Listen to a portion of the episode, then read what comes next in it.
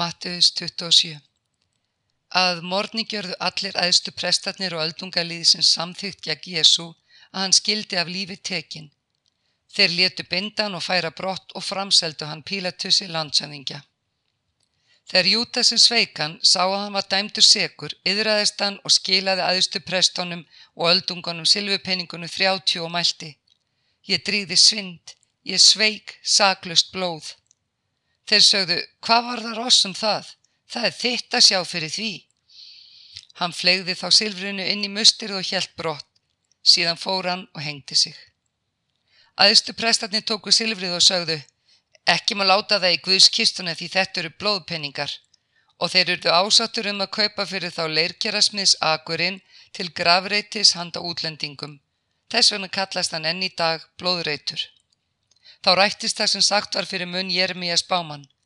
Þeir tóku silfupenningana þrjátju, það verð sem sá var metin á er til verðs var lagður af Ísraels sonum og keiftu fyrir þá leirkjara smiðs akurinn eins og drottin hafði fyrir mig lagt. Jésús kom nú fyrir landsöðingjan. Landsöðingin spurðan, Er þú konungur geðinga? Jésús svaraði, Þú segir það. Æðstu prestarnir og öldungarnir báru á hann sakir en hann svaraði engu. Þá spurði Pílatussan, heyrir þú ekki hver mjög þeir vittna gegn þér?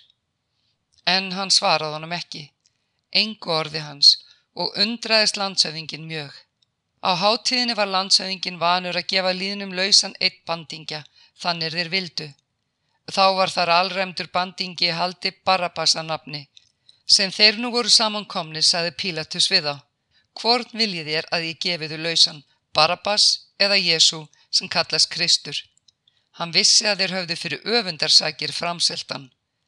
Meðan Pílatus satt á domstólnum sendi kona hans til hans með þessi orð. Láttu þennar réttláta mann vera, þungir hafa draumar mínu verið í nótt hans vegna. En aðstu prestarnir og öldungarnir fengu múin til að byggja um Barabbas en að Jésús yrði deittur. Landsefingin spurði, hvort þeirra tveggja vilji þér að ég gefiðu lausan? Þeir sögðu, Barabbas. Pílatus spyr, hvað á ég þá að gjöra við Jésu sem kallast Kristur? Þeir segja allir, krossfestan. Hann spurði, hvað ílt hefur hann þá gjört? En þeir æftu því meir, krossfestan. Nú sér Pílatus að hann færi ekki aðgjört en ólætin aukast. Hann tók vatn, þvoði hendur sínar frammi fyrir fólkin og mælti.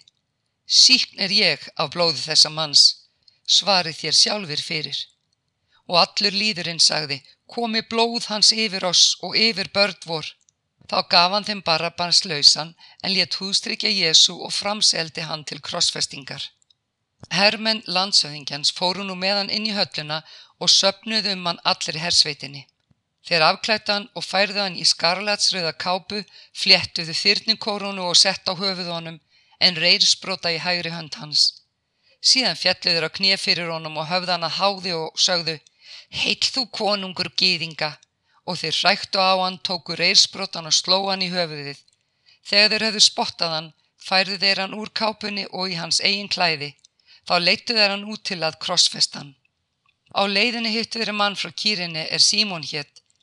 Hann neittu þeir til þess að bera kross Jésu og er þeir komið til þess staðar er heitir Golgata, það þýr hauskupustadur, gáfu þeir honum vín að drekka, galli blandað. Hann bragðaði það en vildi ekki drekka. Þá krossföstu þeir hann og þeir köstuðu hlutum um klæði hans og skiptu með sér, sátu þar svo og gættu hans. Yfir höfði hans festu þeir sakargift hans og skráða. Þessi er Jésús, konungur gýðinga. Þá voru krossfestir með honum tvei ræningar, annar til hægri, hinn til vinstri. Þeir sem fram hjá gengu hættu hann, skóku höfuð sín og sögðu Þú sem brítur niður musturið og reysir þá þrem dögum, bjarga nú sjálfum þér ef þú ert sonur Guðs og stíg niður af krossinum. Einskjörðu aðstu prestarni gesað honum og fræðimennir og öldungarnir og sögðu, öðrum bjargaðan, sjálfum sér getur hann ekki bjargað. Hann er konungur Ísraels, stígi hann nú niður af krossinum og þá skulum við trúa á hann. Hann treystir Guði, nú ætti Guð að frelsa hann ef hann hefur mætur á honum. Eða sagðan ekki, Ég er sonur Guðs. Einnig ræningjarnir sem með honum voru krossfestir smánuða hann á sama hátt. En frá hádegi varð myrkur um allt land til nóns og um nón kallaði Jésús hári röttu. Eli, Eli, lama sabachthani. Það þýðir, Guðminn, Guðminn, hví hefur þú yfirgefið mig? Nokkur þeir er þar stóðu, heyrði þetta og sögðu, hann kallar á Elíja. Japskjótt hljóp eitt þeirra til, tók njarðarvött og fylti etiki, stakk á reyrstaf og gaf honum að drekka. Hinn er sögðu, sjáum til hvort Elíja kemur til að bjargónum. En Jésús rópaði aftur hári röttu og gaf upp andan. Þá ripnaði fortjald musterisins í tvent, ofanfrá og niður úr, jörðin skalf og björgin klopnuðu, grafir opnuðust og margir líkamir helgra látina manna risu upp. Eftir upprisu Jésu gengu þeir úr gröfum sínum og komu í borgina helgu og byrtust mörgum. Þegar hundrasöðingin og þeir sem með honum gættu Jésu sá landskjáltan og atpurði þessa, hrættust þeir mjög og sögðu, Sannarlega var þessi maður sonur Guðs. Þar voru og margar konur sem álengdar horðu á, þær hafðu fyllt Jésús frá Galilegu og þjónað honum. Meðal þeirra var Marja Magdalena, Marja móður þeirra Jakobs og Jósefs og móður Sebedeuðsasona. Um kvöldið kom auðugur maður frá Arímatheu, Jósef að nafni, er sjálfur var orðin læri sveitn Jésu. Hann gekti Pílatusar og baðan um líkama Jésu. Pílatus bauð þá að fá Jósef hann. Jósef tók líkið og sveipaði það hreinu línklæði og lagði í nýja gröf sem hann átti og hafði látið högva í klett. Velti síðan stórum steini fyrir gravarmunan og fór burt. Marja Magdalena var þar og Marja hinn og sátu þær gengt gröfinni. Næsta dag, daginn eftir aðfangadag, gengu aðustu prestarnir og farisiðarnir saman fyrir Pílatus og sögðu Herra, Við erum minnust þess að svikari þessi sagði í lifanda lífi eftir þrjá dagar ís ég upp. Bjóð því að grafarina sé vandlega gætt allt til þriðja dags. Ætla gætu lærisvinnar hans komið á stólið honum og sagt fólkinu hann er risin frá dauðum og þá verða síðari svikin verri hinnum fyrri. Pílatus sagði við þá. Hér hafið þér varðmenn farið og búið svo tryggjulegum sem þér best kunnið. Þeir fóru og gengu tryggilega frá gröfinni og innsugluðu steinin með aðstóð varðmannana.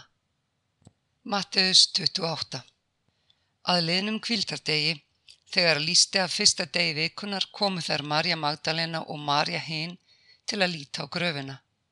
Þá varðu landskjálti mikil því engil drottin stén niður af himni, kom og velti steininum og settist á hann. Hann var sem elding ásýndum og klæðin hvít sem snjór. Varmennitni skulfa fræðslu við hann og örði sem örendir. En engilin mælti við konurnar. Þér skulið eigi óttast, ég veit að ég leitið að Jésús hinnum krossfesta. Hann er ekki hér. Hann er upprisinn, eins og hann sagði. Komið og sjáu staðinn þar sem hann lá. Farið í skyndi og segið lærisveinum hans. Hann er upprisinn frá dauðum. Sjá hann fer á undan niður til Galilegu. Þar munið þér sjá hann. Þetta hef ég sagt yfir og þær fóru í skyndi frá gröfinni með óta og mikilli gleði og hlupu að flytja lærisveinum hans bóðin. Og sjá, Jésús kemur á móti þeim og segir, heilar þið. En þær komu, fjallu fram fyrir honum og föðumuðu fætur hans. Þá segir Jésús við þar, óttist ekki, farið og segið bræðrum mínum að halda til Galilegu, þar munu þeir sjá mig. Meðan þær voru að leiðinni komu nokkri varðmenn til borgarinnar og sögðu aðeistu prestunum allt sem gjörst hafði. En þeir kvöttu saman öldungana og tóku það ráð með þeim að bera mikið fjó hermennina og mæltu við þá. Segji þetta, læri svinnar hans koma á næturþeli meðan við sváum og stálunum og ef þetta berst landsauðingjarnum til erna skulum við sefa hann svo að þér geti verið áhyggjulöysir. Þeir tóku við fjönu og gjörðu það sem þeim var sagt Þessi sögursögn hefur verið borin út meðal geðinga allt til þessa dags. En lærisveinarnir ellefu fóru til Galilegu til fjálsinn sem Jésús hafi nefnt þeim til. Þar sáu þeir hann og veittu honum lotningu, en sumir voru í vafa. Og Jésús gekk til þeirra, talaði við þá og sagði Allt vald er mér gefið á himni og jörðu, farið því og görið allar þjóðir að lærisveinum, skýrið á ég nafni föður, sonar og heilags anda og kenni þeim að halda allt það sem ég hef bóðið yður. Sjá, ég er með yður alla daga, allt til enda veraldar.